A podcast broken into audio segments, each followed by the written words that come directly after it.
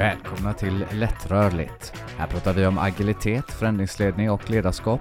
Jag heter Alex och vid min sida har jag Jesper. Luta dig tillbaka eller för all del framåt om ni föredrar det, för nu drar vi igång. Hallå Jesper! Ja, tjena. tjena. Nu är det dags igen. Avsnitt 13. 13. Du, Ja. Är det otur eller? Nej, det är- tycker jag det är bara tur bara att vi har tur. kommit så här långt.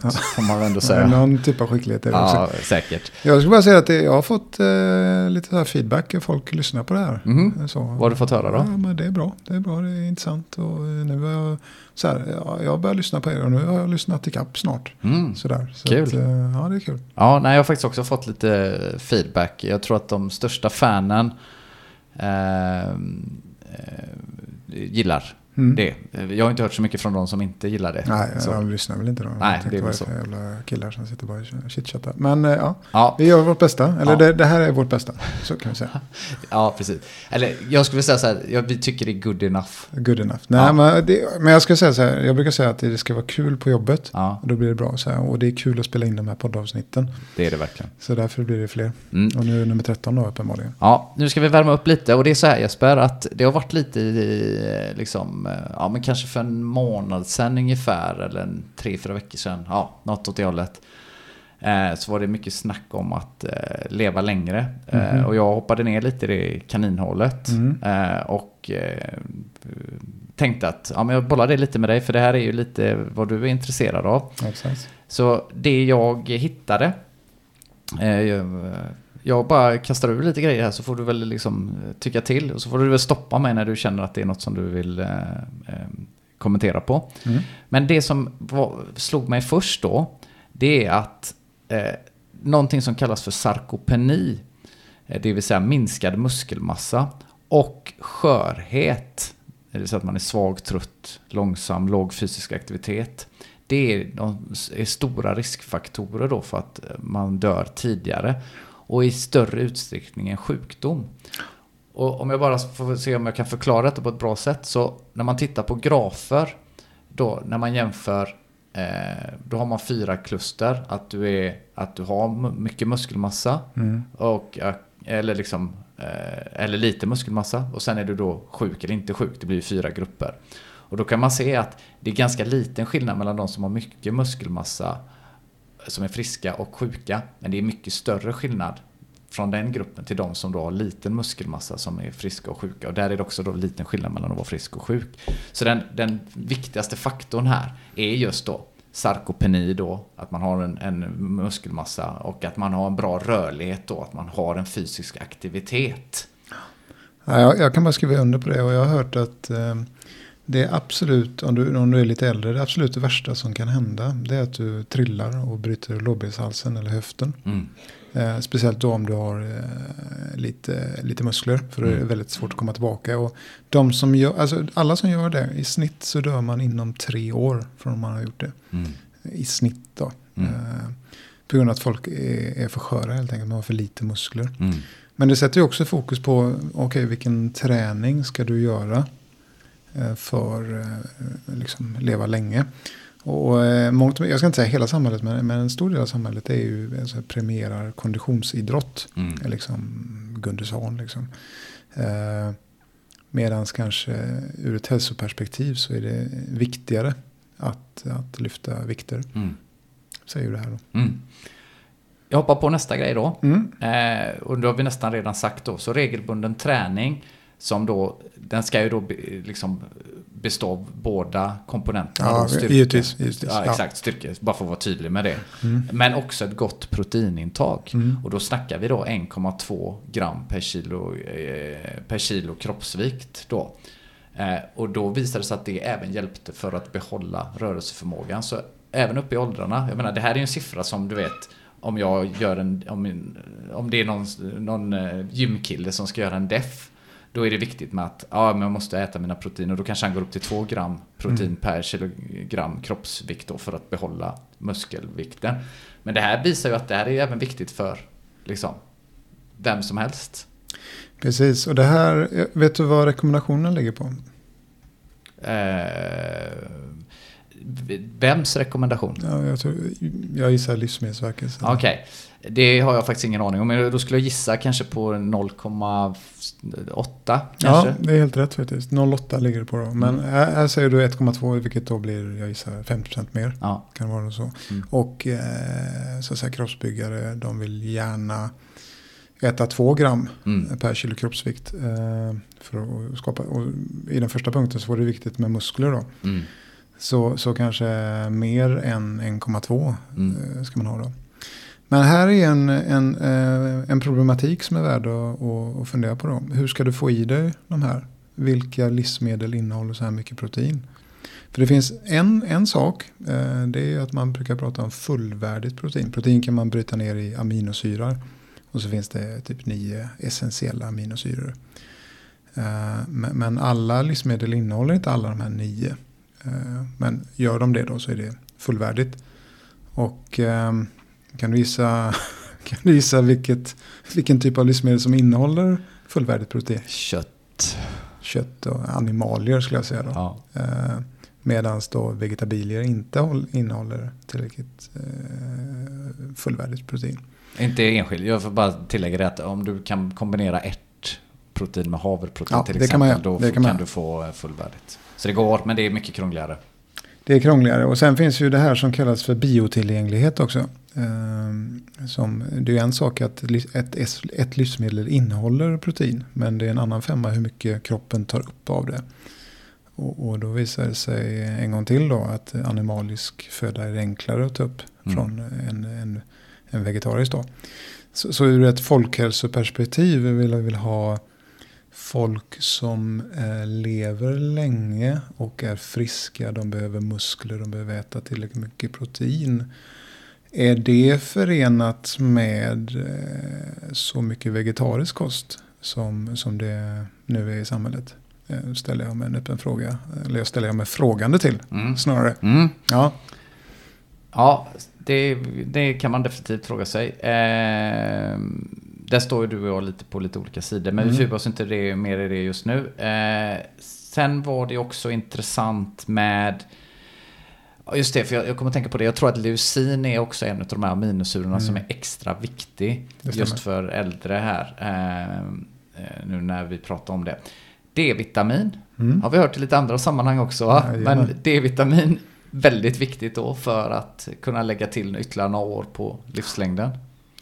D-vitamin är ju eh, väldigt, väldigt viktigt. Då. Men, men det, är, det är ju ett, är ett hormon mer än en vitamin faktiskt. Om man läser på om det då. Så att det är avgörande. Och det är en liten problematik för oss eh, här uppe i Norden. Mm. Eh, Därför det är så mörkt. Och vi får inte D-vitamin via solen alls på vintern mer eller mindre. Då. Mm. Så det måste man via kosten eller kosttillskott. Mm. Skulle jag rekommendera till alla. Mm. Styrketräning och konditionsträning och det som någon slags rekommendation då 150 minuter och det är för äldre människor då. Eh, 150 minuter per vecka i kondition och sen styrka tre gånger per vecka 8 till 10 övningar, 8 repetitioner. Så det är inte så speciellt betungande men det ger ändå då väldigt bra effekt då på de personerna. Och det har också visat att inte bara de får ökad muskulatur men de får också minskad inflammationsaktivitet vilket är fantastiskt bra. Äta bra mat. Du, får jag bara stoppa där? Ja. Eh, Vet du, om man tittar på gemene, gemene svensk, Mm. gemene man, hur mycket tränar de med regelbundet? Ja det vet jag inte. Vad tror du? Eh, inte alls så här mycket. Nej. Eh, jag tror att, Ja, du menar till och med att det här som är rekommendationen för en panschis är mer än vad Alltså- folk i vår ålder gör? ta 150 minuter vecka kondition. Eh, Ja. Och säg, Eller 75 minuter per vecka, alltså eh, väldigt högaktiv kondition då. Eh, Så det där är väl typ så här att du kanske joggar eller jogga. rask men, promenad. rask promenad. Men ja, jag tänkte gå om det. är en Men 150 minuter, det är en... Ja, men lite puls måste det bli liksom. Vad blir det? Det är liksom två och en halv timme. Ja. Folk är ute och joggar två och en halv timme per vecka. Glöm det. Mm. Och sen kör styrketräning tre gånger i veckan. Mm. Eh, Ja, det är nästan som man får vänta tills man blir pensionär så man har tid med det. Ja, nej, jag brukar prata om sådana här, jag jag läste om det. Ehm, du vet man ska, vad heter det? Folk gillar snacks, Mm. du vet. Jag tar lite snacks. Vet du vad jag gör? Jag kör lite träningssnacks. Ja, Okej, vad betyder det att du går och gör 10 push-ups eller? Ja, man tränar lite grann då och då. Ja, Så ja. Det behöver inte vara liksom tre timmar utan jag kör en halvtimme där, 20 minuter där och, sprider ut över dagen. Mm.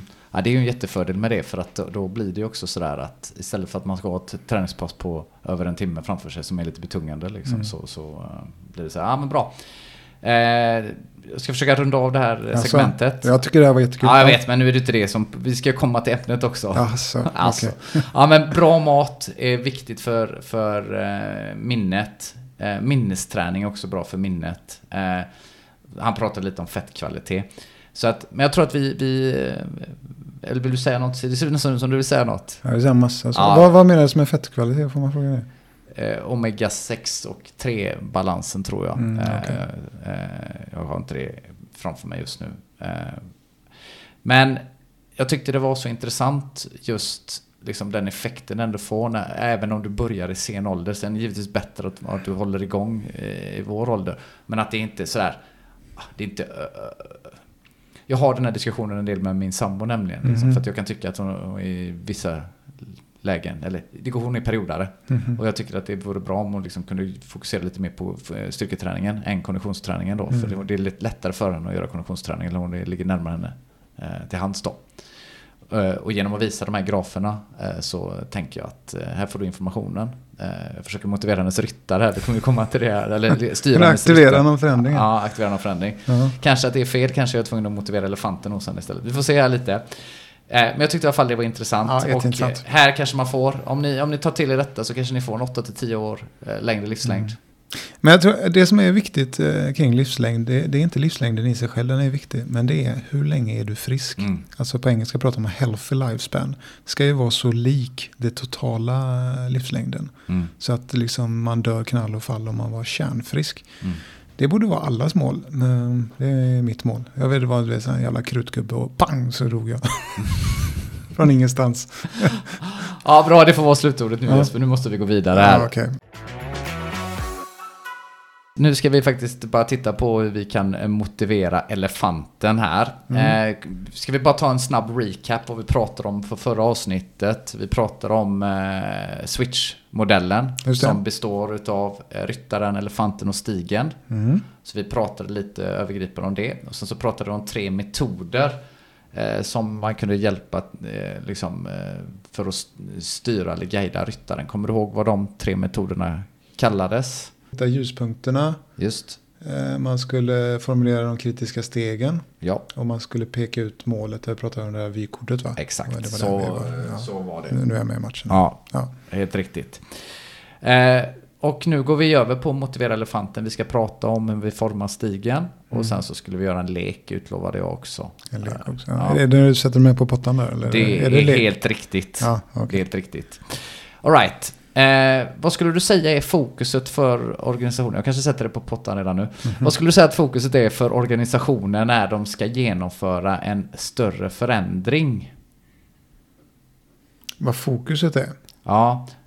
Vad brukar, de, vad brukar man ha? Vad brukar man prata mycket om? När ett, ett företag ska göra en större eh, förändring, vad, vad, vad brukar de eh, eh, prata om? Alltså, nu, jag tänker lite visionen, eh, vision, mission, vad ska vi åstadkomma? Mm, och det är strategi. Det är strategi, ja. Ja, ja så det är en sak de Ja. pratar om. Eh, kanske pratar de om att vi eh, behöver ha lite värde, speciella värderingar eller någonting som pratar absolut. kultur. Kultur, ja. Man kanske pratar struktur och man kanske pratar system. Men vad skulle du säga är det som driver eh, förändring i realiteten? Alltså hur, hur den är så kommer alltid ner till hur vi människor beter oss. Mm. Eh, ehm, och, och den kulturen. Jag tror han, vad heter han då? Peter Drucker, han är en sån här känd uh, managementguru. Han sa att culture eats strategy for breakfast, tror jag kom fram, eller liknande sådär. Så, så har vi en, en dålig kultur och kultur, i kulturen ligger de mänskliga beteendena och så kan vi, kan liksom strategin, ursäkta uttrycket, dra åt helvete. Mm. Mm. Eh, Men, så att eh, det mänskliga beteendet är avgörande. Mm. Mycket bra. Och de flesta de tror att eh, förändring sker genom analys, think, change. Det vill säga att vi analyserar först, tänker sen och förändrar sen. Mhm. Eh, och i normala miljöer och för små förändringar så fungerar det så. Så att om jag vill gå ner i vikt så kan jag ju analysera mitt beteende. Jag kan tänka vad ska jag göra istället och Mm. jag kan förändra mig. Men i stora förändringar så ser det inte ut så. Och det beror på att det är ofta mycket otydligt och framtiden är suddig. Och, och när, den situa när situationen är på det sättet, då är inte elefanten så angelägen om att flytta på sig. Och det är här man brukar säga att ja, men change is hard. Och jag skulle väl hävda att ja, förändring är inte så svårt. Vi lever i förändring hela tiden. Mm. Folk eh, skaffar nya jobb, folk får barn, folk eh, gör massa saker och det är ständigt under förändring. Mm. Och det hanterar folk ändå. Eh, de hanterar det ja, liksom, och herregud, vill det... ha den förändringen. Eh, och eh, men, men när det blir otydligt då, då sätter sig elefanten på tvären. Och då är det inte säkert att det hjälper med några analytiska argument. Så då blir ju ryttaren lite chanslös där. Så i de här fallen så sker ju förändring lite mer genom see, feel, change. Mm -hmm. Att vi behöver se någonting och vi behöver känna det. Sen kan vi förändras. Mm, okay. Mm. Den första metoden för att motivera elefanten den kallas för att hitta känslan. Mm -hmm. eh, och det finns ett exempel som jag tycker är käckt och det kommer från boken Heart of Change av Kotter och Cohen. Eh, och där är det då ett tillverkningsföretag som, och där finns en, snubbe som heter John som han, han har fått uppgift att hitta besparingar. Och han får nys om att inköpsprocesserna är helt värdelösa. Och han siktar in sig på arbetshandskar. Och då uppdagas det att företaget köper in 424 olika handskar från en mängd av olika leverantörer.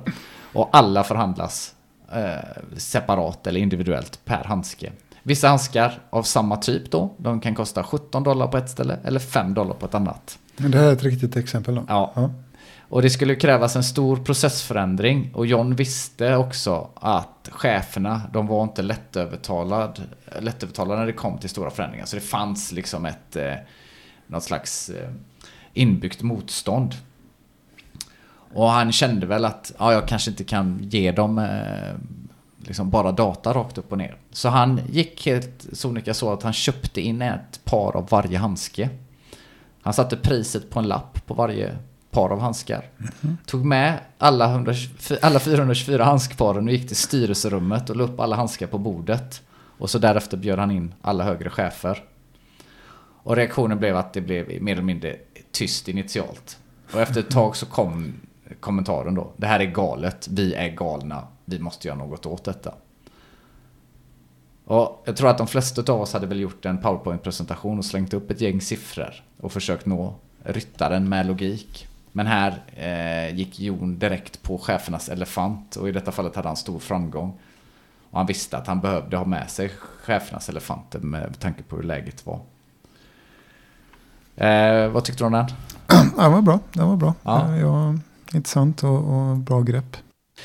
Om vi pratar om positiva och negativa känslor. Mm -hmm. Vi har ju pratat eh, när det gäller förstärkning så är det viktigt med det positiva. Och då ska man inte liksom, fokusera så mycket på negativ förstärkning för det, det är liksom inte framgångsrikt.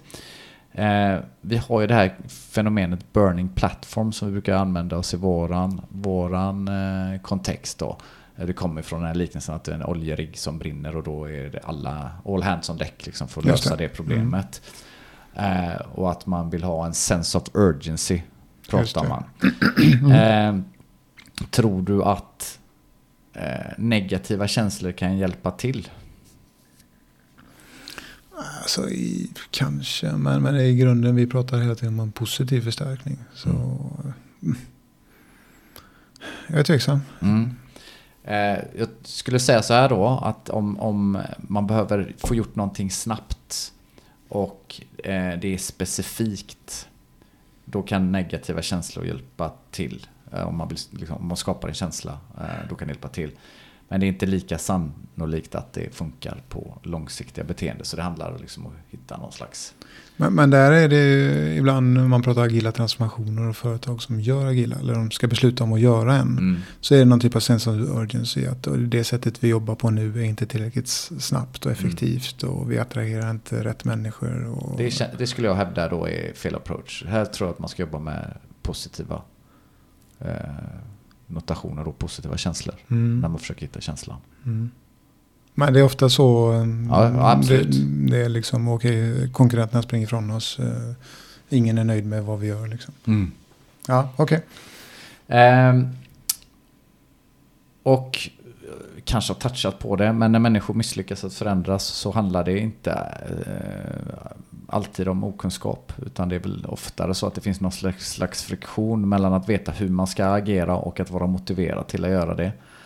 Och den första instinkten är ofta när vi vill förändra något att, att eh, vi ska lära någon annan någonting.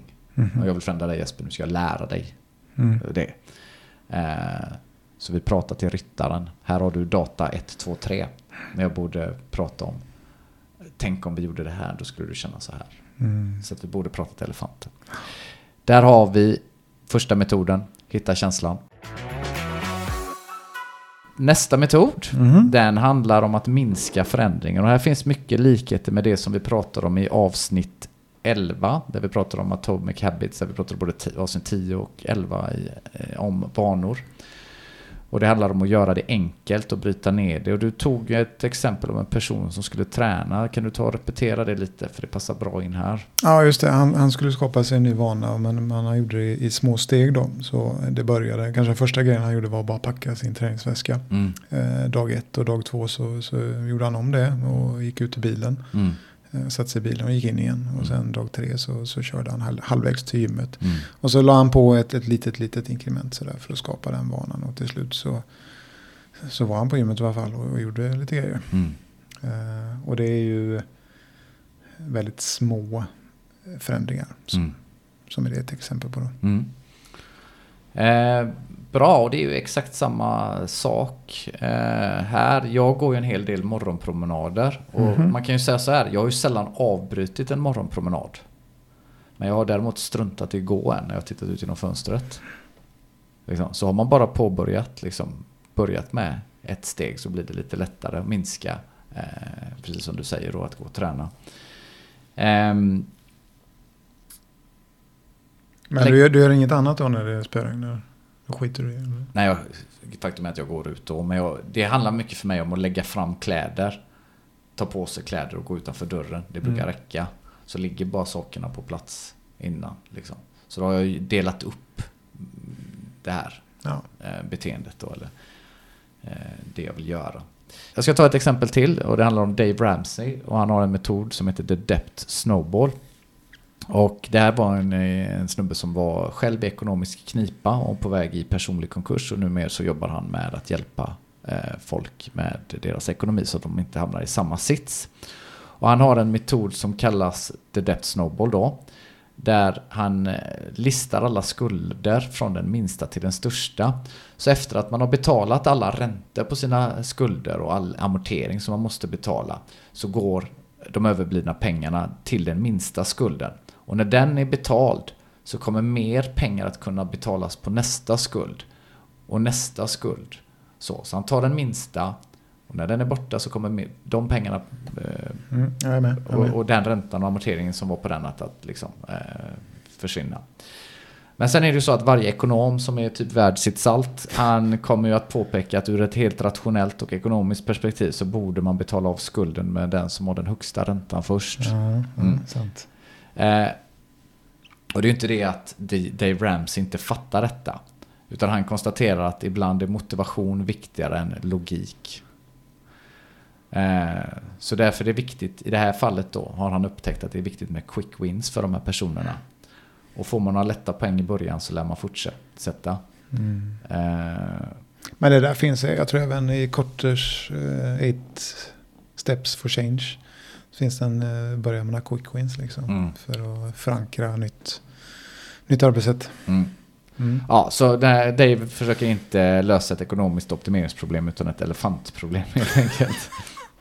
Det är som ett stort problem. Ja. Eh, ja, men vi har ju pratat om det här en hel del så att nu börjar det väl kännas självklart eh, kan man tycka. I alla fall, Mm. i alla fall för oss. Eh, jag ska fundera på om det är något mer här. Ja, men vi har hela det agila till exempel. Tar det som, som ett exempel. Det är ju mycket att gör det minsta du kan. Få återkoppling på det Mm. anpassa. Här handlar det också om att bryta ner det i liksom inkrementella eh, och iterativa eh, delar.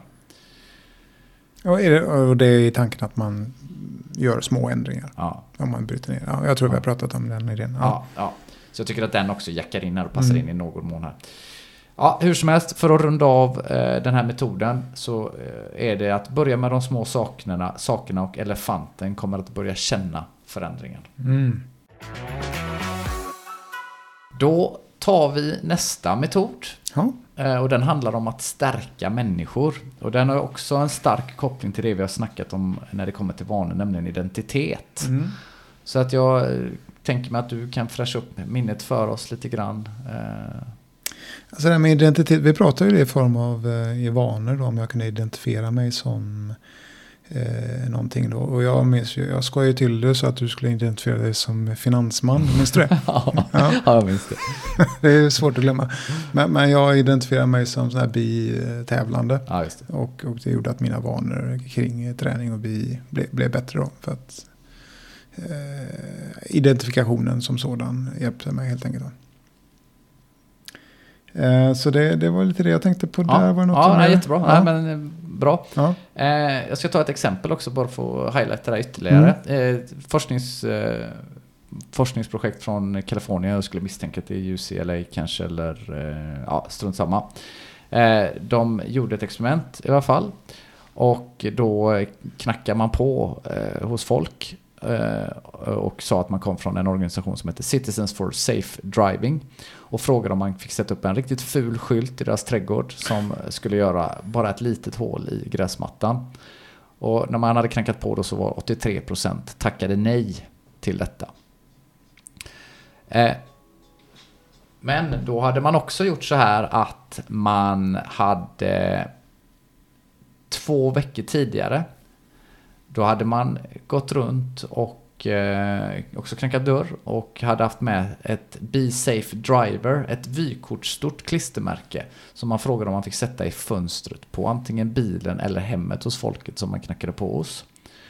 Och det var så att det här var inte så stor eh, liksom, påverkan så de flesta tackade, eh, tackade ja till det. Och i den här gruppen då när man två veckor, kom, två veckor senare kom tillbaka och fick frågan om den här fula skylten. Eh, i trädgården? Ja. ja, så, så eh, var det endast 24 som tackade nej istället för 83 procent. ja. Mm. Och så fanns det en tredje grupp, och det här är ju väldigt intressant. Eh, De fick en fråga om, kan ni skriva på den här eh, listan eller den här petition om att göra Kalifornien vackert? Mhm. Eh, och sen då när man kom tillbaka två veckor senare och frågade om den här fula skylten eh, så fick man, var det bara 50% som sa nej.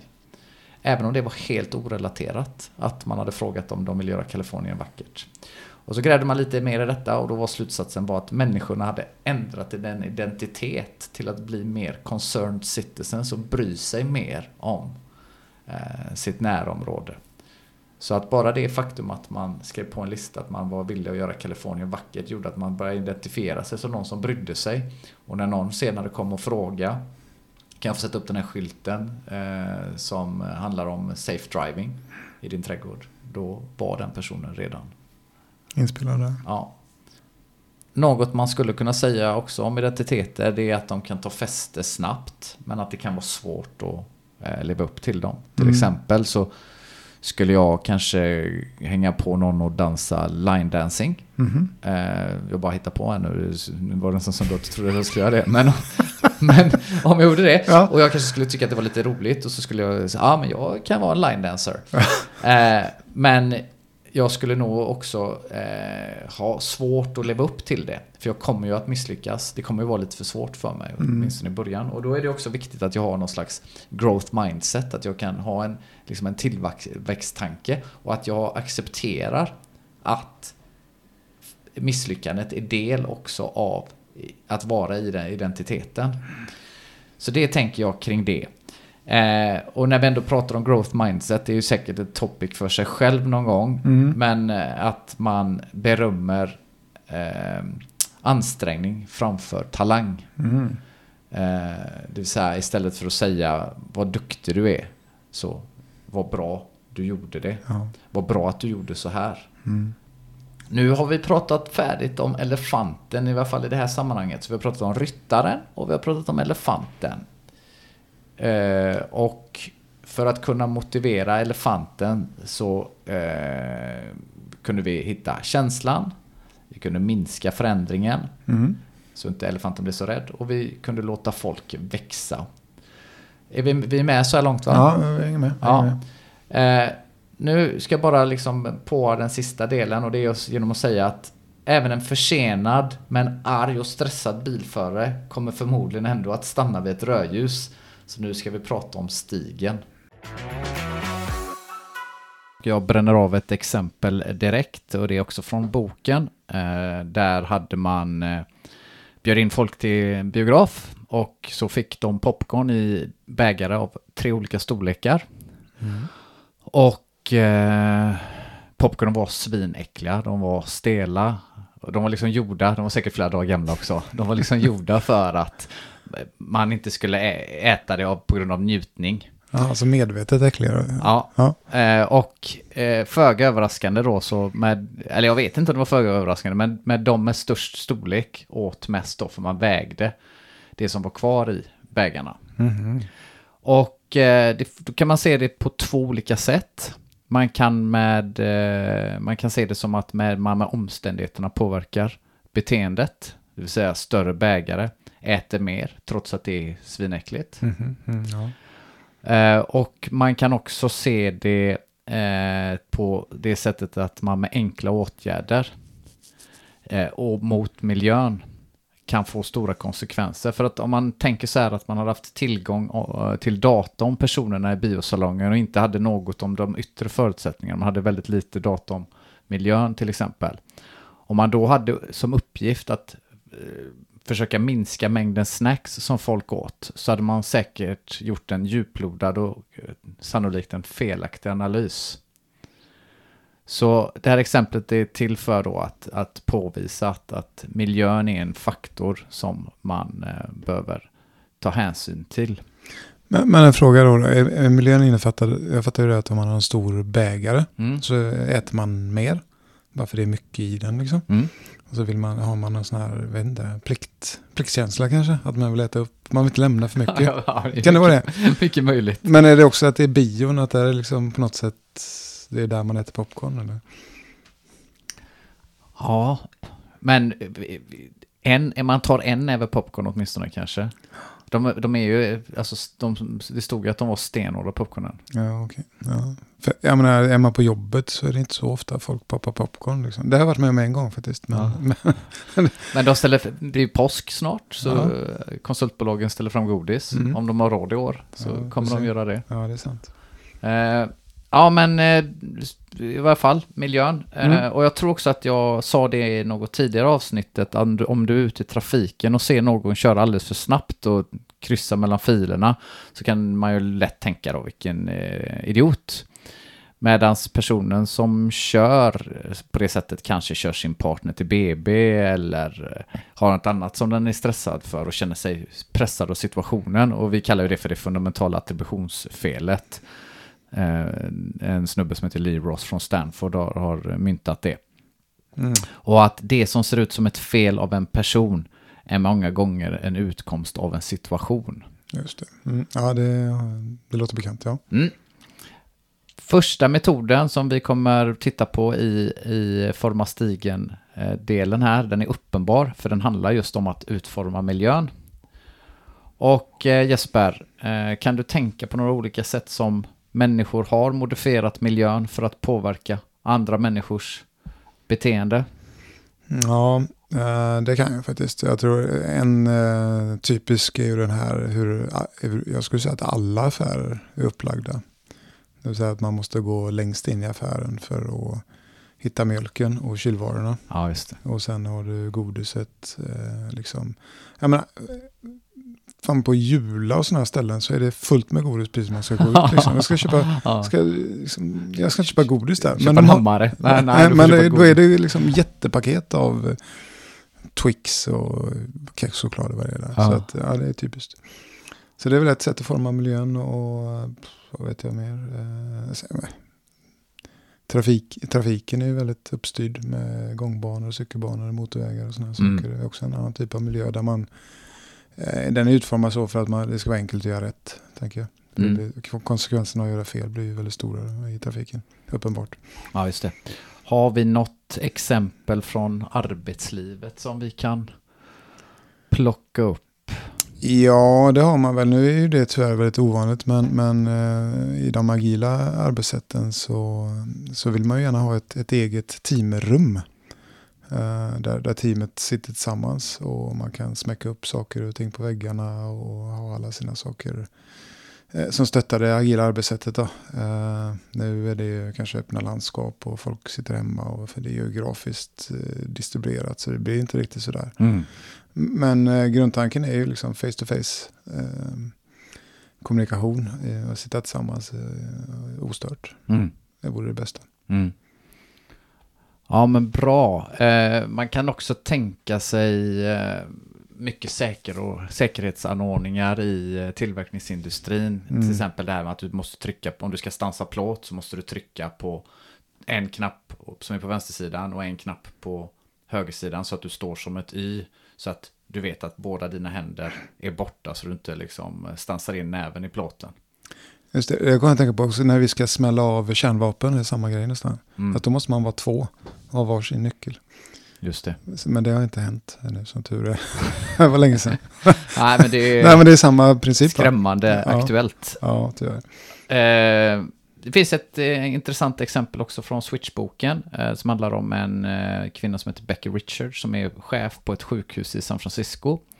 Och de ville minska medicineringsfelen.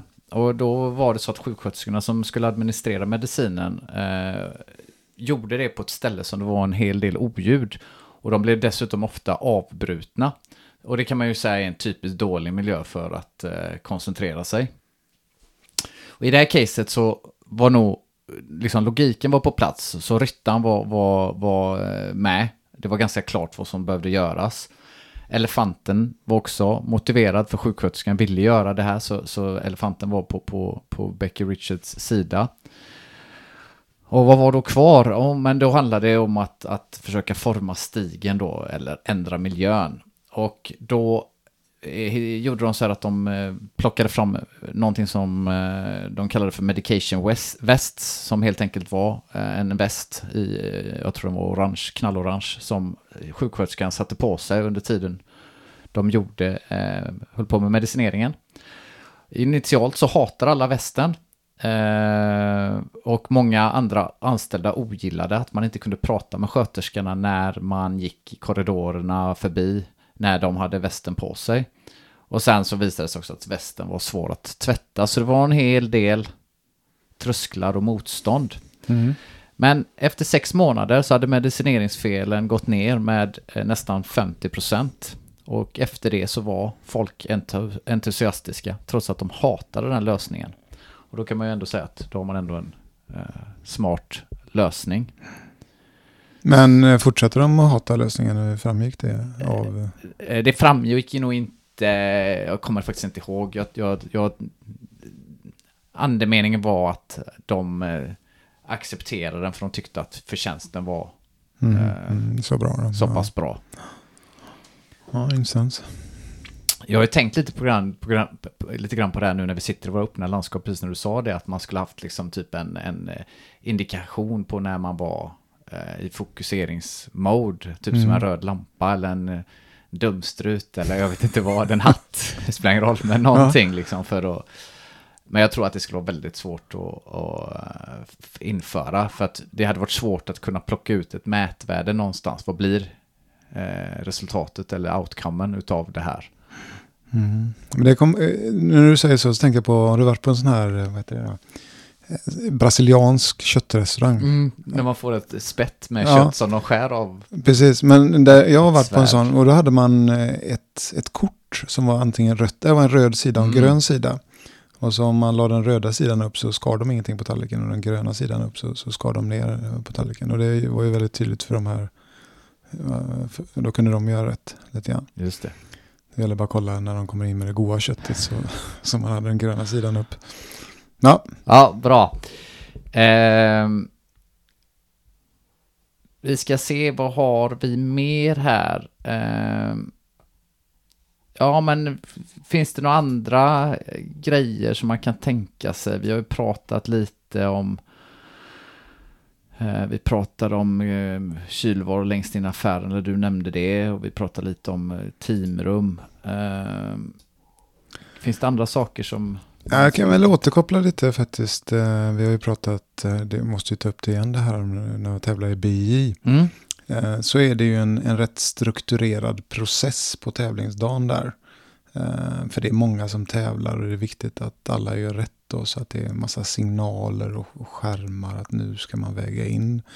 Nu ska man visa sitt ID-kort och eh, de ska liksom eh, testa att din direkt är på rätt sätt. Och sen eh, står man liksom i foller och det kommer liksom personer och ropar upp ditt namn och ställer jämte mig och följ med mig här och gå hit. Då.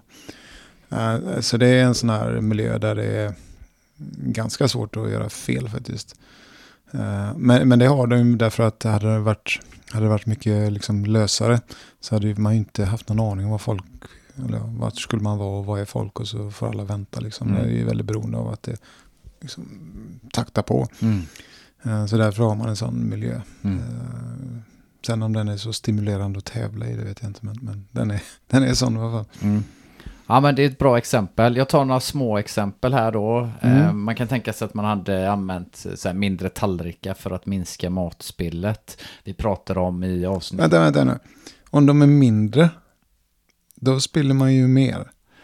Eh, man tar mindre mat. Jaha. Men annars- är det så att du, du, du normalt tar mycket mat och så är tallriken lite, då kommer du spilla liksom. Ja, men Ja, jag okej. tänker mer så här mat, alltså det jag slänger. Jag slänger. Ah, Okej, jag är med. Jag Mm. ska inte vara så motvalls här. Nej, eh, avsnittet när vi pratade om vanor så pratade vi också om att man hade speciella ställen för specifika Mm. aktiviteter. Typ att jag kanske har ett ställe där jag tränar, ett ställe där jag mediterar, ett ställe där jag läser. Eh, och kanske man skulle utmana folk lite grann på arbetsplatsen att inte alltid ta med datorn till mötena. Man kanske ska vara mer engagerad istället för att sitta och, och sidojobba. Och jag har ju en sak som jag tycker eh, frustrerar, irriterar eh, mig. Och det är ju folk som har Apple Watches. Eh, det är nog de, en av de mest mikrostressande aktiviteterna jag kan komma på just nu. Så under tiden man sitter och pratar med någon så sitter de och tittar på sin klocka. Mm. Jag vet ju att det är en Apple Watch så att de antingen har fått ett sms eller ett mail. Så jag, jag vet ju det intellektuellt. Men känslomässigt är det ju så här typ att de tittar på klockan, vilket indikerar för mig på ett undermedvetet sätt att okej, min tid är värdefull, hur lång tid tar det här snacket Just det. egentligen? Så det, då är det elefanten i det som blir lite upprörd då? Ja, det kan man säga. Eh, ja, men jag tror att vi har konstaterat att, att anpassa miljön, det är viktigt. Ja. Så att vi rullar vidare till metod nummer två. Och nästa metod här handlar om att bygga vanor och det har vi faktiskt pratat en hel del om. Hela avsnitt 10 och 9 eh, närmare bestämt. Och en del i det som eh, du pratar om där eh, är, att, är vad det här med action triggers. Jag vet inte om vi kallar det för det då, eh, men det är ändå någonting som, eh, som Peter Gollwitzer, psykolog från New York University, har gjort. Eh, han har skapat det. Eh, kan du repetera vad det handlade om Jesper?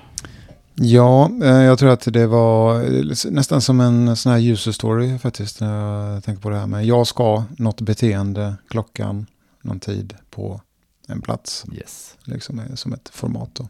Ja. Har vi några exempel på jobbet?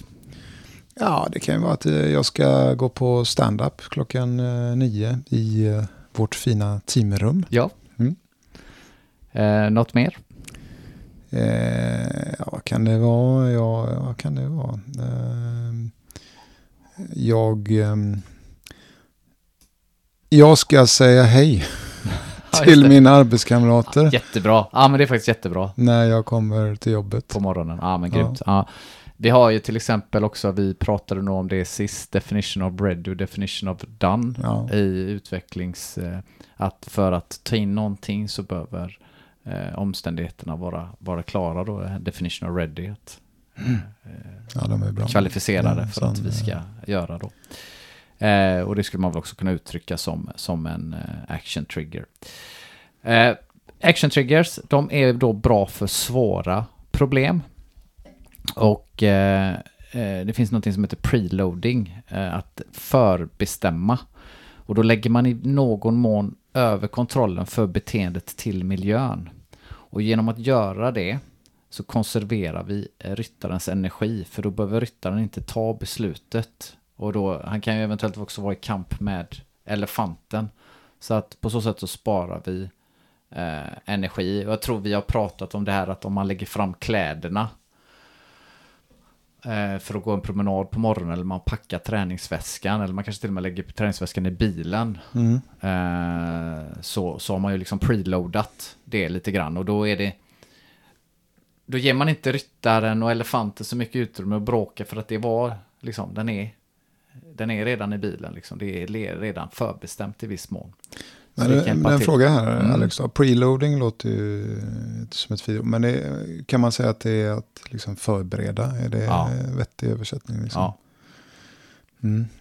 Okej. Okay. Eller varför jag säger det är därför att, att ofta när man gör eh, stora planeringar och lite olika saker så, så en sak som kommer upp på de här retrosarna det är väldigt vanligt att vi behöver förbereda mer. Mm. Uh, så att man är mer redo när man är där och då. Mm. Och det kan vara förberedelse i alltså hur man sätter upp sin lokal eller hur, hur de eh, så att säga, backlog items man har, hur de är skrivna. Och, så att man liksom kan exekvera uh, i planeringen bättre. Mm. För det, det där tycker jag är lite intressant just för att oftast så är vi slarvar vi, slarvar vi med att förbereda oss på hur ser det ut där vi ska vara? Hur ska vi gå tillväga? Medan folk är mer så här, ja men jag vill liksom börja tänka och förbereda mig med för planeringen. Ja fast det är det vi ska göra när vi kommer dit. Så att eh, jag tycker att det finns helt klart att vi, om vi nu säger förbereda eller preloada när det gäller format, eh, hur eh, tillvägagångssättet ska vara, vart vi ska vara, hur det ska se ut, vilka verktyg vi ska använda. Där slarvar vi eh, mer. Ja, vi tar ett exempel till för det var ganska bra. Vi hade ju en sån eh, stor planering häromveckan här. Och eh, då, inte jag men en, en annan person där. som vi hade förberett tillsammans. Och, eh, men det var det tydligt så att, att eh, man säger så här, okej okay, vi är här för att planera.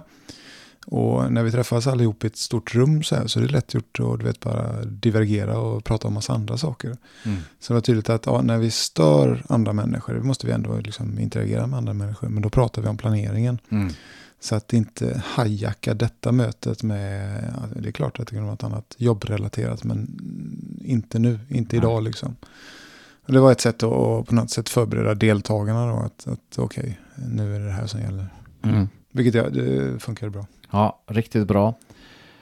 Eh, vi har också pratat i, i förra avsnittet och även i detta, nej, förra avsnittet när vi pratade om minska förändringen och formulera de kritiska stegen. Så det passar också väldigt bra att bygga vanor utifrån utkomsten av just de två metoderna också.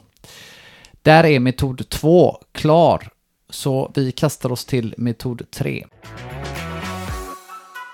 Den här metoden, den kallas för att samla flocken och den rör mycket kring grupptryck. Och eh, det är ju så här att om en person ser en olycka så är sannolikheten att, sannolikheten att denna gör något ganska eh, hög. Men är det två eller tre personer som ser den här olyckan så minskar helt plötsligt sannolikheten att dessa gör något. Och om de gör något så går det betydligt långsammare. Så Jesper, vad har du för tankar kring det där? Vad tror du att det beror på? Alltså så att, ja, okej, så man, om man är ensam och ser någonting så då kommer man ingripa fortare. Än, ja, det är väl bara det att man tror att någon annan ska göra någonting. Eller att man, man på något sätt, det kanske är den tanken som kommer in också. Mm. Förutom att det händer en olycka så tänker jag också att okej, okay, är det han eller hon eller jag som gör det? Och då har man två tankar i huvudet mm. kanske samtidigt som, som blir blockerande då. Precis så. Så det är två processer som, som eh, kickar igång eh, på samma gång där, precis som du säger. Så den ena då som försöker analysera det som har hänt. Eh, och den andra är ju att, att man eh, har andras reaktioner runt omkring. Det blir mm. också en parameter. Då. Vad är det för normer som gäller? avvaktar dem så blir man själv osäker på sitt egna beteende. Och förmodligen då vice versa. Så därför blir det liksom lite handlingsförlamat för alla inblandade. Mm. Så det här kommer då gru- grupptrycket in. Eh, vi har pratat om grupptryck tidigare. Eh, både avsnitt ett, när vi pratade om högpresterande team. Mm. Att, att man kunde eh, utnyttja eh, grupptrycket. Och även i, i avsnitt 11 om vanor. Eh, där tror jag det var att man använde sig av någon person att delade med sig av vad man hade tänkt att göra. Just det. Men jag, jag tror det ligger i, för jag har diskuterat, jag vet inte om jag har sagt det i podden här, men att, att det är någon annan som tittar på när du Mm. gör någonting. Och det, jag dratt, nu är jag osäker på eh, om det här är podden, men, men du vet, nu skapar längdhopp i skolan liksom. Mm. Och så hoppar du liksom, men sen upptäcker du liksom att den, den snyggaste tjejen kollar på dig Mm. när du ska hoppa. Och då, då är det så att fan, då presterar man lite, lite bättre, eller man känner att nu måste jag. Mm. Det har man dragit i podden här, men, det, det är någonting, ett exempel som jag eh, ja, drar ibland i alla fall. Ja, just det. Och jag tror att det betyder no- i stora drag att om man ska ändra på något så bör man ha koll på de sociala signalerna. Mm. Eh, har vi några, kan vi dra några exempel på grupptryck och normer då, förutom då att hoppa långt när de snygga personerna tittar på en? Nej, jag slogs faktiskt eh, häromdagen, eh, jag vet inte om det var på, eh, om det var kanske första mars eller något sånt där, men det var det många affärer som plockade bort de här plexiglasen Mhm. eh, framför kassorna. Mm. Och eh, det var ju i spår av pandemin. Men det fanns ju också de här liksom, när man stod i kön och man skulle hålla avstånd och två meter. Och tack för att du håller avstånd och så vidare. Mm. Och, och, eh, men där såg man, jag såg inte så många gånger, men jag såg ju några som faktiskt inte höll avstånd och hur irriterade andra människor blev på dem. Mm. Eh, och, det, ja, och hur det, liksom när man, när man bröt normen där, Mm. då, då blir det irritation. Så det, det kanske de inte gjorde om då, vad vet jag. Mm. Nej, men bra. Eh, några enkla då, ta av sig skorna när man kommer hem till någon. Skaka hand gör vi ju kanske fortfarande ändå. Ja. Mindre. Men den här armbågstouchen har försvunnit nu eller? Det är fistbumpen tror jag är kvar. Fistbumpen. Ja. Mm. Men armbågen är borta. Den är borta. Ja. Den är ju faktiskt rätt töntig. Ja, ja det var ju... Alltså jag kan ju säga det också när vi ändå pratar i, i, inom kampsport. Där är kramen väldigt vanlig. Mm. Liksom den och kramen, nu syns ju inte det, men liksom, det är mer, mer kontakt Mm. Som sig bör. Ja, jag tar ett exempel till och vi har ju haft i Sverige konceptet fylletaxi Ja, vi har- som social norm. Eh, eh, man kallar det för designated driver eh, i USA. Och eh, en professor i Harvard, han tyckte ju konceptet med en designa- designated driver var bra. I USA så drack man och körde. Medan han hade upptäckt att i Skandinavien så gjorde man inte det, utan man såg till att man har en, hade en polare, eller Mm. en i gänget var den som körde och höll sig nykter. Och den här professorn ställde sig då frågan, hur kan man skapa en social norm? Ehm, och genom att då samarbeta med tv-producenter så infogade han små delar gällande just konceptet med en designated driver. Och det kunde vara tv-shower såsom Cosby, eh, Vem är chefen, Lagas änglar och Skål. Det känns som att det här, var, det här är tv-serier som du har stenkoll på. Det har jag förträngt, men det är, vad är det 80-90-tal? Ja, det är 80-90-tal. Eh, Cosby, Who's the Boss, Law och Cheers. Mm. Eh, ja, jag har sett alla i alla fall. Eh, men det kunde vara allt då från en affisch på väggen i eh, Skål. Eller en dialog mellan en advokat och en full bartender i, i Lagens Änglar. Och detta följde man ju upp och mätte. Eh, och tre år efter detta, alltså det här är 1991 då, så kände 90% av alla amerikaner till konceptet och 54% av folk som drack ofta berättade att de hade använt sig av en designated driver. Och under året efter då, 1992, så minskade även alkoholrelaterade dödsolyckorna i USA med cirka 30%. Mm. Och det var då från att det var ett helt okänt, eller mer eller mindre okänt koncept då. Ja, okej. Ja. Så man kan ju först säga att kultur krossar förändring om, om dessa eh, eh, hamnar i, i konflikt då. Så det är viktigt att ha med sig eh, de sociala normerna, grupptrycket, kulturen. Och när vi är inne på att prata om att skapa normer så Eh, vill jag egentligen bara lyfta en, en, en kort grej som vi har snackat en hel del om på jobbet då. Eh, en, en idé kring reformers and resistors. Där reformers är personer som stöttar en förändring och resistors är en som inte vill genomföra en förändring eller som sätter lite käppar i hjulen eller som är lite motvalls och ska ifrågasätta. Och det som är, vi har konstaterat och som vi också kunnat läsa oss till då, eh, det är att för att man ska lyckas med att förändra en kultur så behövs det småskaliga utrymmen där reformers kan mötas och göra sig redo för ett gemensamt agerande. Så de behöver bli lite avskärmade. Nästan lite som ett safe space. Mm -hmm. Bort från resistors. Man säger ju alltid att man ska göra det tillsammans och vi, så vidare. Men här finns ett tillfälle där man behöver låta reformers få en eh, anhämtningspaus. Att kunna jobba eh, framåtlutat istället för att behöva ta de här kritiska frågorna som kommer. På, att behöva kunna ta dem på uppstöts istället för att göra sig mer förberedda då på Eh, och inte heller behöva bli observerad av resistors. På, just på grund av det här med grupptryck. För det kan vara så att resistors är många fler. Och att eh, de sätter normen. Här ska vi in och kanske ändra normen. Så då behöver vi lite fri, fri lejd. Ja, det låter, eh, det låter, det låter, det låter bra. Jag har inte använt de eh, benämningarna. Men, men när jag tänker på det så jag tänker jag framförallt på ett uppdrag jag hade. Då var vi flertal sådana här agila coacher. Och man skulle göra en, en agil transformering då. Då var vi reformers då. Mm. Och, skulle, och då var det ju några som tyckte att den här förändringen var bra. Men det fanns mycket riktigt en hel del resistors och undrade vad, vad var det här bra för.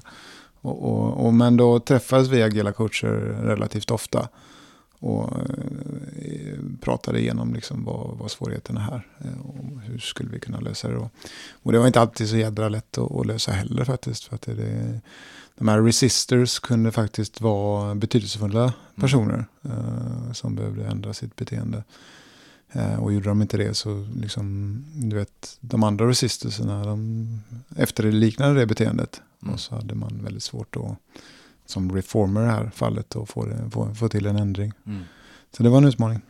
Men intressant ändå, just det här möjligheten att få sitta och prata med de andra som mm. hade samma uppdrag måste ju ändå funnits en, en, liksom en var det en bra känsla eller en skön känsla eller en trygghet på något sätt? Det var absolut en trygghet, eh, det var det. Men, men sen uppstod också en fråga vilket, vilket mandat man hade mm. att genomföra förändringen. Eh, och liksom det är klart att man man kan jobba med goda argument och visa på bra exempel och, och övertyga folk på det sättet. Då. Mm. Eh, istället för att säga att jag, jag är boss, nu ska vi göra så här. Mm. För det är ju inte servant, om vi pratar servant leadership, utan då är det ju liksom ska man underbygga sina beslut mm. såklart. Så det var en hel del sånt.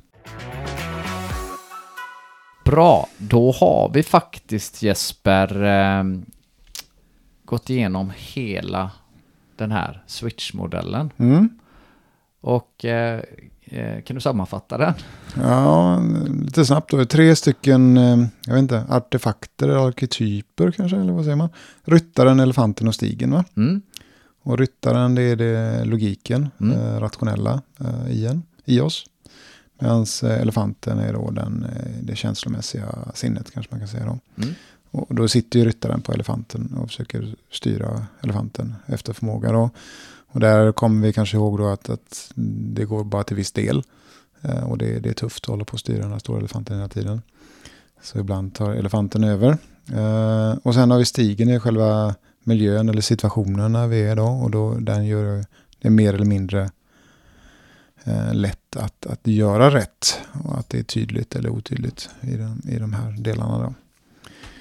Uh, ja, vi ska se. Vad du, vi pratade den här forma stigen. Där uh, var ju det här tre olika metoder. Minns jag nu. Samla flocken var den senaste. Mm. Uh, och bygga vanor då och sen fixa omgivningen pratar vi om. Vi hade ett par metoder även för som var riktade mot ryttaren och mot elefanten. Mm. Kommer du ihåg? Ja, vi har pratat så länge här. Så att, men men ryttaren jag tror att det var, man skulle hitta ljuspunkterna, eh, lysa på det som är bra. Va? Mm. Eh, formulera kritiska steg. Mm. minns jag lite grann, men, men kan du hjälpa mig där lite? Vad, vad var det exakt man gjorde där? Eh, där handlade det då om att, att peka ut på de delar som var de viktiga delarna för att komma vidare. Mm. Eh, helt enkelt. Så det var inte så, så eh, mycket mer krångligt än så. Nej, just det. Och sen fanns det den eh, peka på destinationen tror jag också. Just det. Det var den tredje. Alltså det är tre varje. Eh, motivera elefanten. Ja. Alltså, Det, det ska man göra. Och då hitta, hitta känslan, det är ju känslostyrt då. Eh, och eh, jag tror även det här att vi skulle minska förändringen var en del. Mm. Göra små förändringar. Eh, och se till att, att människor kan, kan växa i, eh, vad var den tredje? Eh, metoden inom elefantspåret. Ja. det är som man säger. ja, helt riktigt. Mm. Helt riktigt. Ja, men jättebra. Ja, Där har vi, eh, där har vi det, Mm. helt enkelt. Eh, då är det väl så här att vi börjar närma oss eh, det, den utlovade leken. Ja. Vi ska ju leka, eller jag ska utsätta dig för, en, för ett eh, litet test här, Ja, okej. säger han. Nej, det, det, alltså, det här är ju en genomgående trend i våra... Vi försöker krångla till det för varandra. Ja, det är helt riktigt. Eh, det, det är så vi roar oss. Mm. Eh, vi ska bara se, jag ska ta fram eh, vad det är jag hade hittat på här åt oss. Lite dåligt matlagningsprogram här, men ja, då är det så här Jesper, att du ska få ett par scenarios och du ska se vad förändringen är för någonting. Och sen utifrån den här switch-modellen så ska du se om du kan komma på några åtgärder. Okej. Och jag har tre scenarior. Mm. Två som jag har hittat på och sen en tredje bonusscenario. En du se- bonus också. Ja, Ja, får du se vad det är. ja okej. Eh, scenario 1. Då. I ett utvecklingsföretag så finns tendensen att utvecklarna blir förälskade i sin kod. Eh, men efter att ha gjort användartester så kan inte 6 av 10 användare på ett tillfredsställande sätt förstå hur man ska använda programmet. När detta påtalas för utvecklarna så ges kommentarer såsom Hur lyckas ni hitta sex dumma människor på en och samma gång? Så uppenbart var utvecklarna inte mottagliga för feedback från användarna eller kunderna. Vad är den önskvärda förändringen här? Ja, I det här scenariot så kommer jag att tänka på eh, uttrycket kill your darlings. Eh, där precis alltså man är, ja, blir förälskad i att det här borde alla tycka är skitbra. Men så är det ingen som tycker att det är bra. Och jag, hamnar, jag du vet, jag är ju sån här, jag gillar ju liksom, du vet, mäta och kolla här och en graf där liksom. Så ibland så är det ingen som tycker att det är, är något bra liksom. Så är man ju där och försöker liksom, ja men ser ni inte vitsen med det här då? Men, men det gäller ju, alltså på något sätt, liksom, i det här fallet så har de ju användare och då, då är det, ju- det är det liksom eh, någon customer focus man får switcha till. Och inte vara så ingenjörsmässig då kanske. Mm. Eh, Ja, men det är helt riktigt. Mm. Och då kommer den uppenbara frågan här. Utifrån switch-modellen, där vi har styra ryttaren, motivera elefanten, forma stigen och det finns tre metoder inom varje del. Hur Mm. kan vi få till en förändring? Ja, Okej, så, så då har du sett mig på pottan här att jag ska utifrån ryttaren, elefanten och stigen eh, Ja. hitta lite olika scenarion baserat på de här metoderna då. Yes. Det är det som är då, okej, ja, vad ska vi se här. Eh, Får jag ta, jag är lite osäker här, men jag börjar med elefanten. Mm. Ehm, och i någon men så, så måste, som vi var inne på, de måste ju känna empati för sina, sina liksom användare på något sätt. Och då kanske eh, utvecklare behöver förstå UX-design eller liknande. Hur tänker UX-designers när de gör? Och då antar jag, vet jag att de sätter liksom ett väldigt kund, kundfokus på Mm. det. Så då, då kan väl vara att, att, eh, vad vet jag, utveckla, träna, göra någon workshop om hur man i UX-design skulle kunna vara ett sätt att hitta en ny känsla kanske. Ja, mycket bra. Mm. Eh, en annan kanske är mer på forma stigen då. Och eh, här är det, jag tänker om man, Alltså man behöver, feedback är en sån här grej som vi pratar om ofta. Att vi måste, vi visar och så får man feedback. Och så, men man, problemet om man inte får feedback så kan man ju bygga en, en lång period på något och sen visar man det och så det är väl ingen som vill ha det. Mm. Så man vill ju ha liksom eh, fast feedback och eh, fail fast har vi pratat om och sådana saker. Så, så någon typ av återkoppling från användare i, i sin process eh, behöver man då. Eh, kan tänka skulle funka bra här. Mycket bra.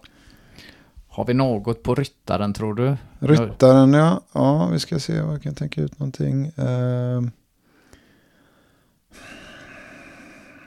ja, alltså jag, jag, vet inte om den här, men, men eh, kan det finnas någon sorts någon sorts typ av, av eh, att man ska fira lite. Och, och lite eh, hur, hur, alltså vad är målet med våran produkt, tänker jag. Det är, det är glada användare. Mm. Och när de är glada så får vi fira och äta äh, tårta eller popcorn kanske. Mm. Ehm, och eh, på något sätt peka ut vad är målet med det här, var, varför är vi här, vad är det vi ska åstadkomma och det kanske ryttaren tycker är bra. Ryttaren kommer nog digga att, ni, att du målar upp målet. Mm. Sen kanske det är elefanten som gillar tårtan i slutändan. Ja, men, men, eh, visionen är helt riktig. Ja. ja, men mycket bra. Jag tror att... Eh, hur kändes det? Ja, det, jo, det, det, alltså det är inte helt trivialt att tänka ut de här sakerna, men eh, ja, gör mitt bästa. Ja, jag tyckte du lyckades väldigt mm. bra. Jag ska bara ta en liten halvkul grej som jag sprang på när jag eh, satte upp det här scenariot. Och det är ett exempel på, på Microsoft eh, som eh, där de fick programmerare att utveckla på mindre kraftfulla maskiner. För att utvecklarna där, de hade så kraftfulla maskin, maskiner och de gjorde de kanske satt och utvecklade Words eller Excel eller något och så, så körde de det på sina egna maskiner. Mm. På sina maskiner så gick det snabbt och, och eh, mm -hmm. smidigt och så så de, och de hade ing, ingen förståelse för att vilken, vilka datorer har användarna i genomsnitt. Ja, betydligt sämre. Så då tvingade de ju eh, utvecklarna att ha sämre datorer för att eh, få bättre empati.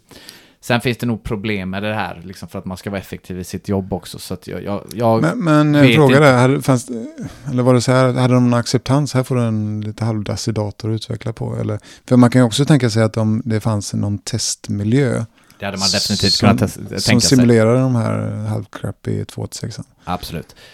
Kan inte svara på det. Eh, här när jag läste det så läst, lät det som att de fick eh, datorerna rakt upp och inte hade någon virtuell maskin som var långsammare eller som simulerade mm. en sämre dator. Utan ja, ja, de, Fick, de fick skräp.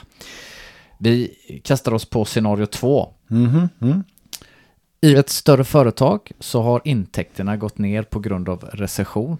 Eh, CFO på företaget ska nu driva ett kostnads och resurseffektiviseringsprogram över alla olika avdelningar på företaget.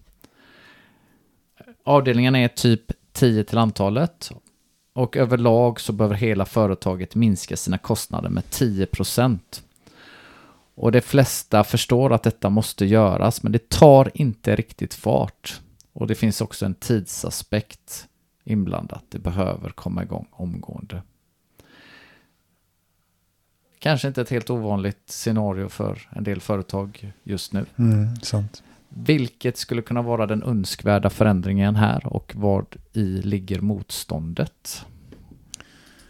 Ja, det är klart att eh, jag vet inte, alltså när, när, när företag drar ner så är det ju jag kan tänka mig, vi pratade om resistors förut, att man, egentligen vill man ju inte det. Mm. Det är ju ingenting, det vill ingen egentligen. Mm. Jag kommer tänka på den här filmen med George Clooney som åker ner och lägger ner, uh, han avskedar folk och får dem att tycka att det är kul och bli avskedad.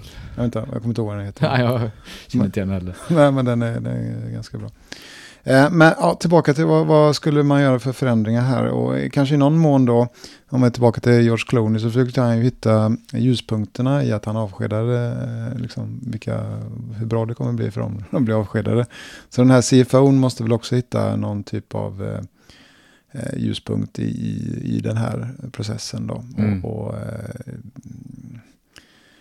vara kreativ kring, kring det här då. Eh, för jag menar, all förändring är ju också möjligheter Mm. till att göra något nytt, bättre. Mm. Eh, och det, det kanske ryttaren tycker är en bra idé, Mm. tänker jag. Ja, men jättebra. Ja, Och eh, kan du komma på något mer? Eh, Jag tänker på den här eh, elefanten och vi hade ju den principen att man skulle minska förändringen. Mm. Eh, och, och då behöver man, om det nu var, vad var det, 10% eller något Mm. så, så kan man bryta ner den i, i mindre delar då. Så det är 1% här och där och en halv procent här och så vidare. Så, så kanske inte det blir, känns så jobbigt för elefanten. Nej. Eh, så det kan vara en, ett, ett sätt att genomföra den här. Mm. Ehm,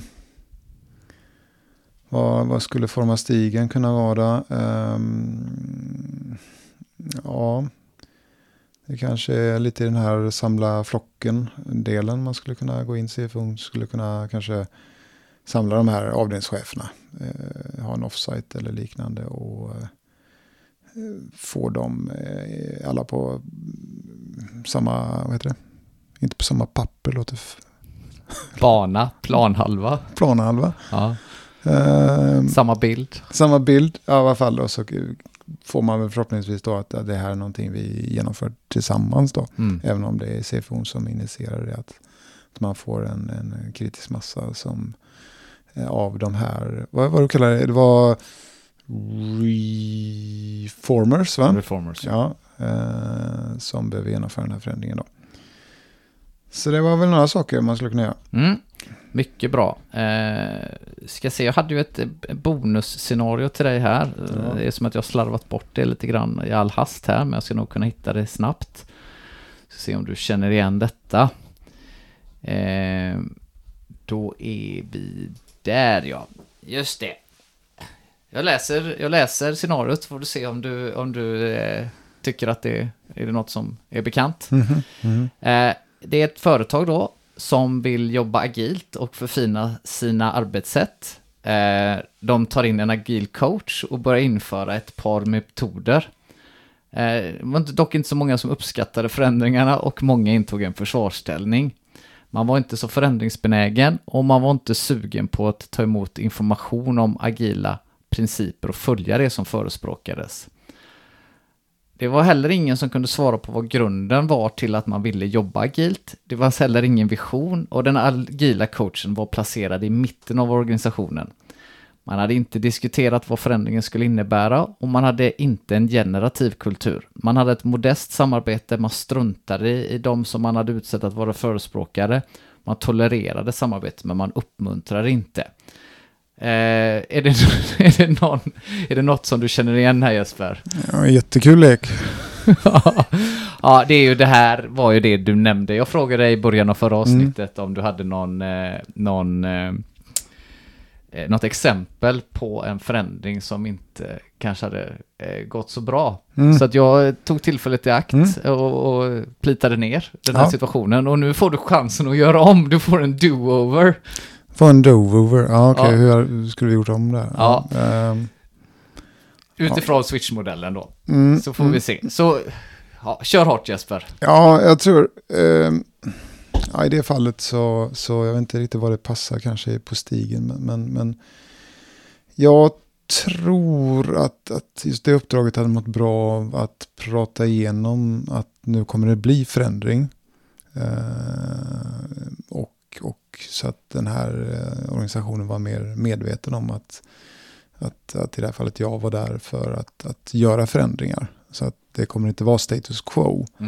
Och då, jag vet inte, eh, samla flocken kanske passar på det. Mm. Att, att nu, Och det kanske också, så om jag nu bara Mm. eh, f- fyller i här, det kanske så här också, de personerna som hade makten, den här Fiat Power, eller de som satt på höga eh, poster, också kanske minska förändringen för dem, för de kanske var, var lite rädda för vad skulle det innebära mm, för dem. Så det skulle kunna vara ett, ett eh, alternativ. Eh, och eh, för all del också eh, formulera de kritiska stegen, det kommer innebära det här, det här och det här. mm. Liksom. Så, så just till den gruppen av människor.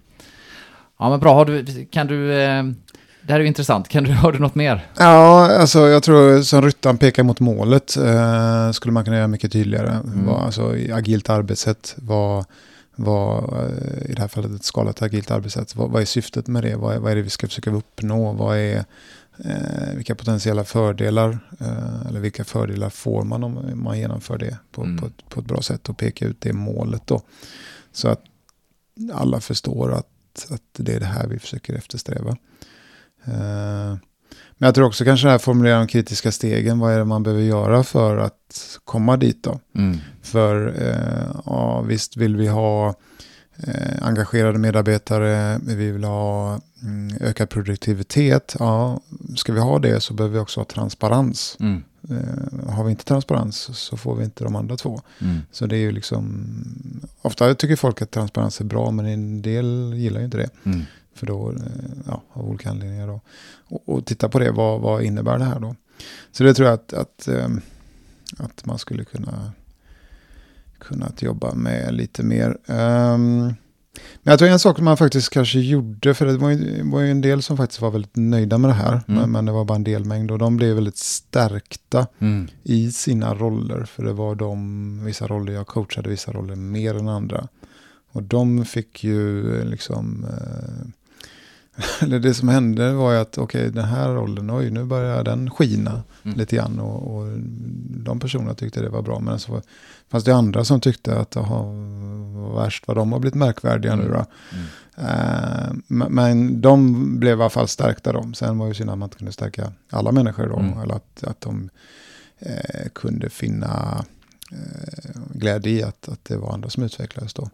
Men det gick tillbaka till den här generativa kulturen skulle jag säga, att där man bevakade lite sina ställningar mm. och ville inte att någon annan skulle vara bättre än själv. Lite mm. grann. Mm. Uh, och, och uh, mm. Ja men bra, vi kanske är nöjda där. Jag, ja. jag, jag, det, var väl, det var väl hälften, det var, jag ville roa mig själv lite grann så jag kanske ja. var lite elak genom att ta upp det här exemplet. Nej. Tyckte du att det i ljuset av den här modellen något nytt perspektiv? Ja, alltså, ja, absolut går det i alla fall att kategorisera de sakerna. Man, man, alltså jag liksom funderar på hur, hur, vad tar jag med mig från det här? Mm. Eh, och hur skulle jag kunna göra annorlunda eh, till, eh, i framtiden då, liksom, och vilket jag också har gjort. Då. Eh, så, så, det är ju alltid, jag ska inte säga att det var ett misslyckande på något sätt, men det var lite svårare än vad jag mm. tänkte att det skulle vara.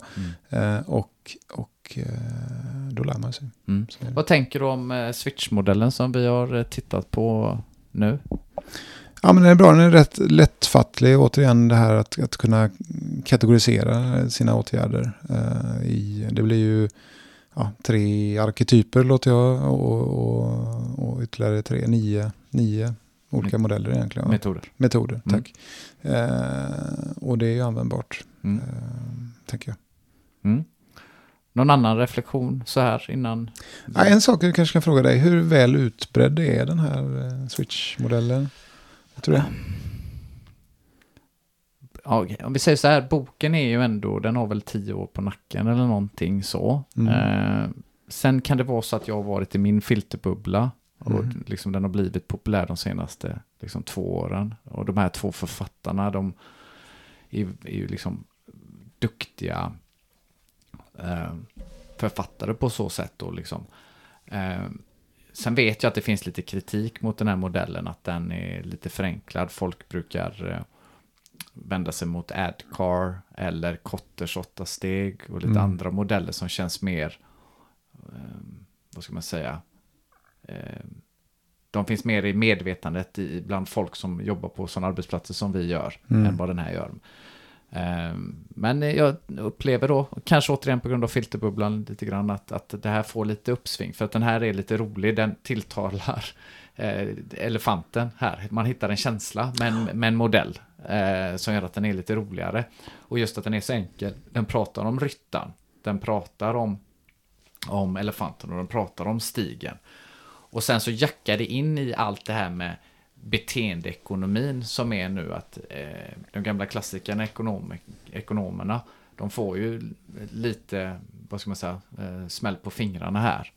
Eh, och att beteendeekonomin, att det är inte bara det rationella beteendet som styr, utan det är även det känslomässiga. Mm. Eh, så att jag skulle, jag skulle säga så här att ja, modellen kanske inte är, den är absolut inte den mest utbredda, men på sina håll så, så eh, poppar det upp, även på nätet så poppar det upp en hel del. Mm. Så att eh, även om den har kanske tio år, ja inte riktigt, men något åt det hållet på, på nacken så, så skulle jag tro att den, den eh, får mer fäste. Ja, ja, men alltså, du nämnde ju Kotter, den har ju funnits hur länge som helst. Mm. Mm. Sen fan innan han var född nästan. Nej, det kan det inte vara. Men, men jag tänker att, eh, nej men det jag tänker mer är att sådana här saker är alltid bra att ha i sin egna verktygslåda. Och, och förstå vad behöver man göra här. För, för det är ju mångt och mycket eh, att, att, jag vet inte om vi pratar om det, att i någon mån i olika situationer så, så vet man ofta vart man vill, men vad är nästa steg? Mm. vi behöver ta för att komma dit. Och, och man, kan, alltså, man kan ju bara ta ett steg i taget Mm. i princip. Då. Och det är viktigt att nästa steg är rätt Mm. och kunna identifiera det. Och jag tror en sån här modell kan, okej, behöver vi tilltala ryttaren, eh, Mm. elefanten eller stigen här. Mm. Eh, Eller, ja, och tänka i de banorna är bra. Ja, jag håller med dig eh, och, och nästan repetera det du sa. Att, att ha det som ett verktyg som man snabbt, står man inför en diskussion, okej vad ska man göra? Så ja, vi har den här modellen. Du har ryttaren, du har elefanten, du har stigen. Okej, vart ska vi foka? Vad tror du Jesper? Är vi eh, Är någorlunda nöjda där? är det repet nu eller? Det börjar bli dags för det. Ja, Eh, då rundar vi av. yes. Eh, och i grund och botten då så är det så att om saker ska förändras så måste någon någonstans börja agera annorlunda. Mm. Var och en har en känslomässig sida och en rationell sida. Vi behöver nå båda och vi behöver dessutom röja undan hinder på vägen samt forma vägen så att den gagnar förändringen. Nu drar vi repet. Där är det. Bra jobbat Jesper. Ja, samma.